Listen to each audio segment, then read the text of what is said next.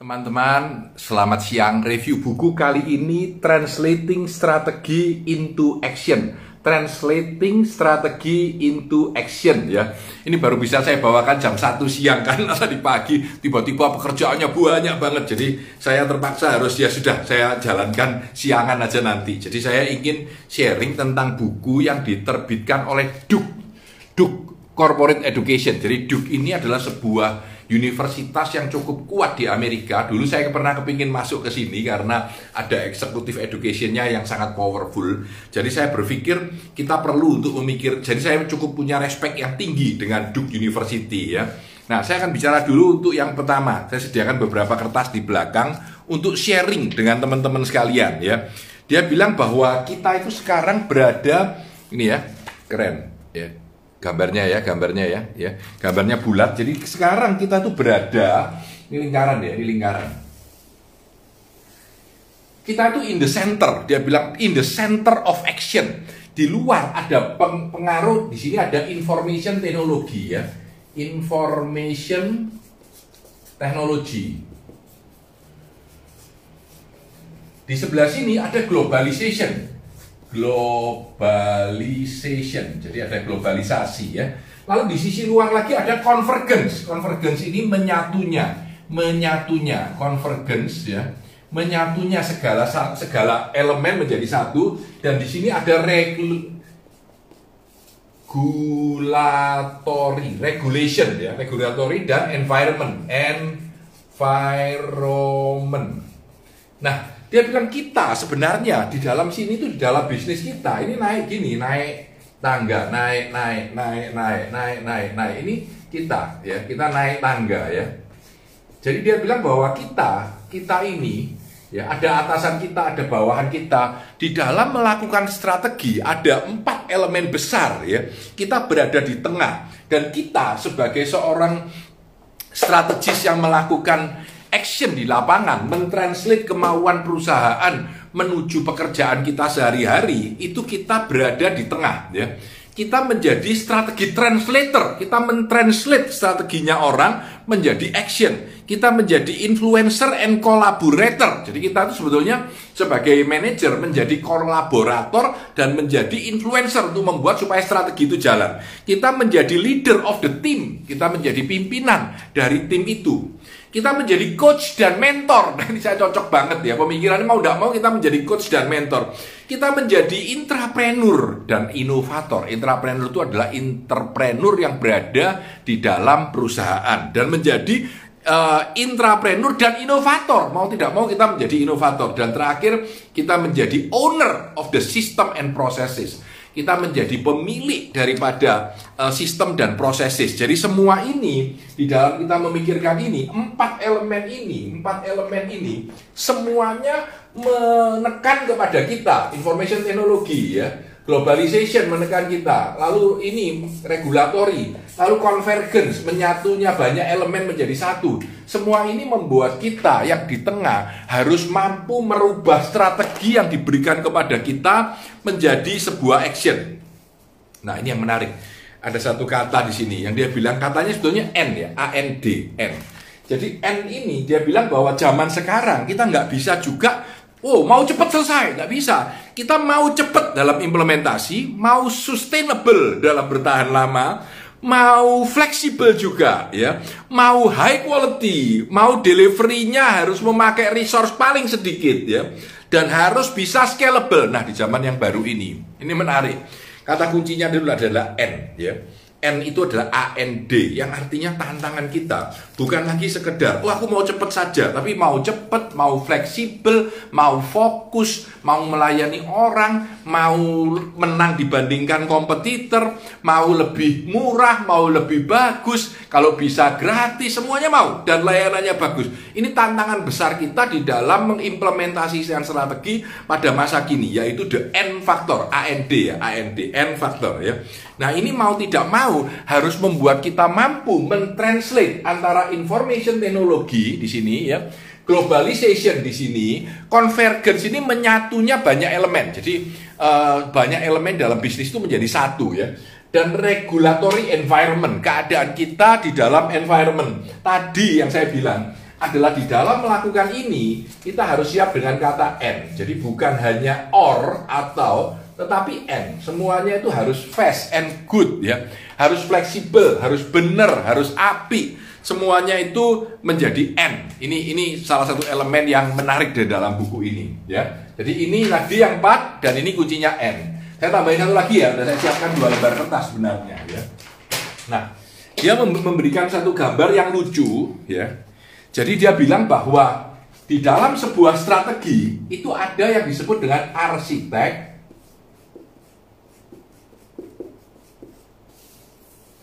ada yang disebut dengan translator,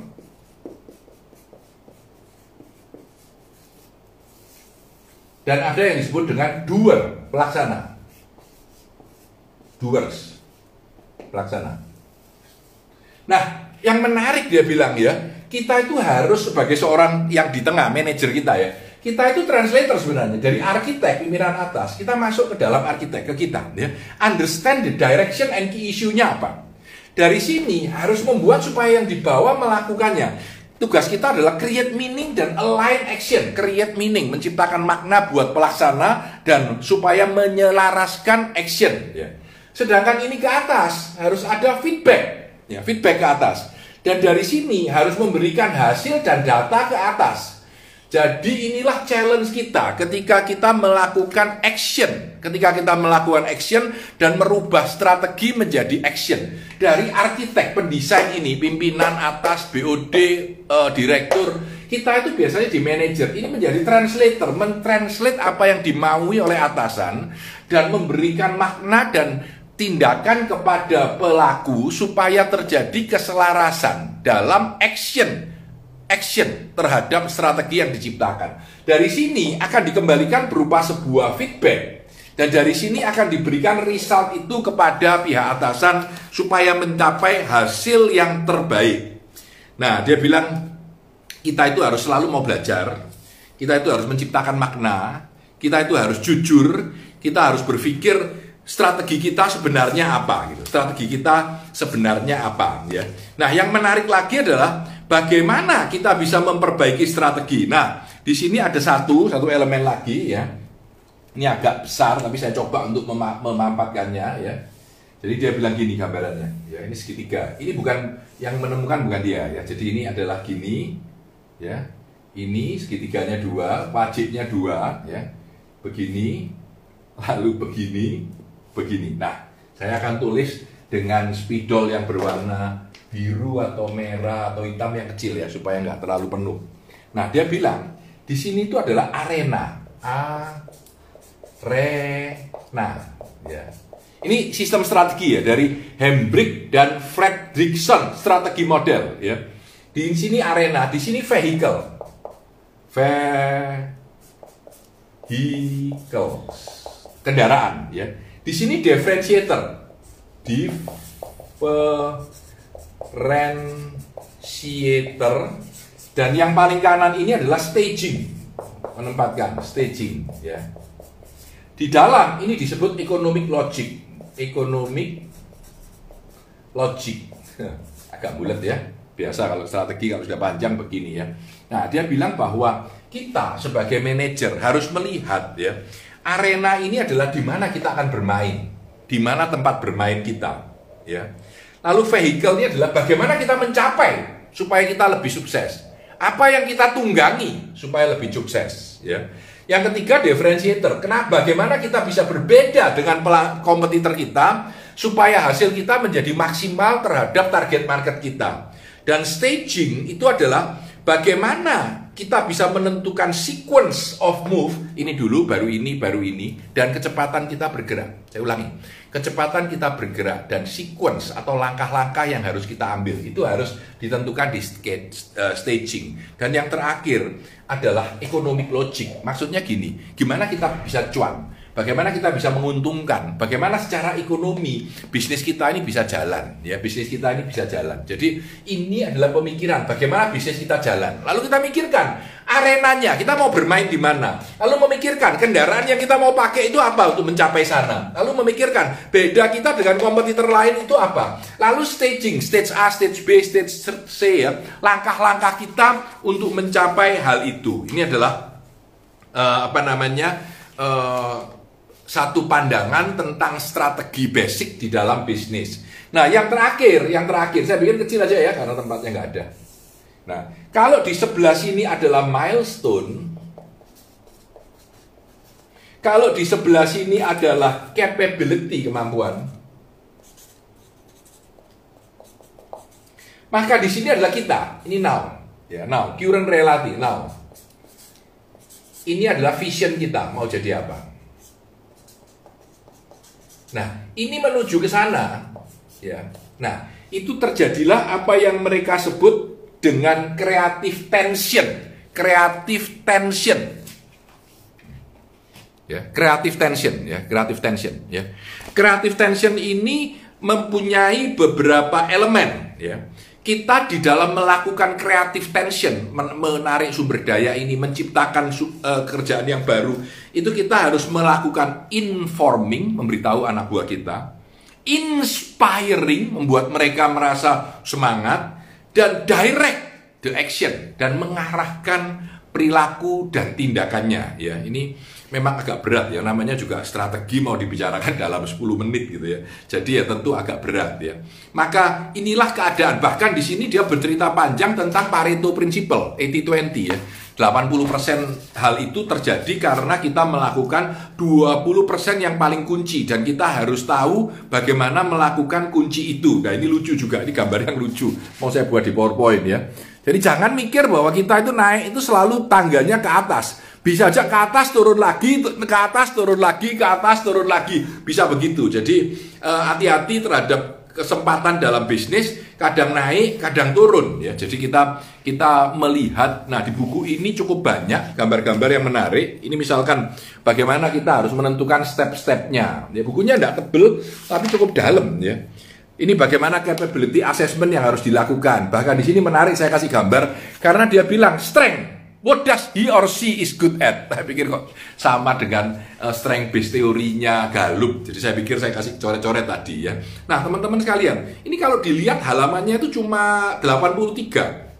Dalam 83 halaman, mereka mengajarkan bagaimana mentranslate strategi into action, strategi into action. Ini tidak mudah ya. Dan buku ini dibuat oleh Duk dengan kondens yang cukup tinggi. Karena itu saya mencoba menjabarkan dengan beberapa poin yang menurut saya penting. Dan ini poin saya yang terakhir, make it happen. Make it happen, ya. Bagaimana membuat supaya hal itu terjadi?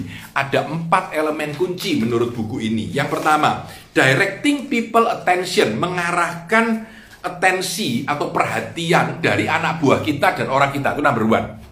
Number two dia bilang number two measuring the writing mengukur yang tepat the writing jadi yang diukur harus pas kalau salah kita percuma mengukur elemen-elemen yang memang tepat untuk diukur ini elemen yang kedua dan yang ketiga being a role model nah ini penting ini kita jarang lihat ya anda sebagai leader, Anda harus memberikan contoh kepada anak buah Anda. Kalau Anda bilang bahwa kita harus buat ini, kita ber... Anda melakukan tidak. Anda tidak akan membuat orang lain mau melakukan apa yang Anda katakan.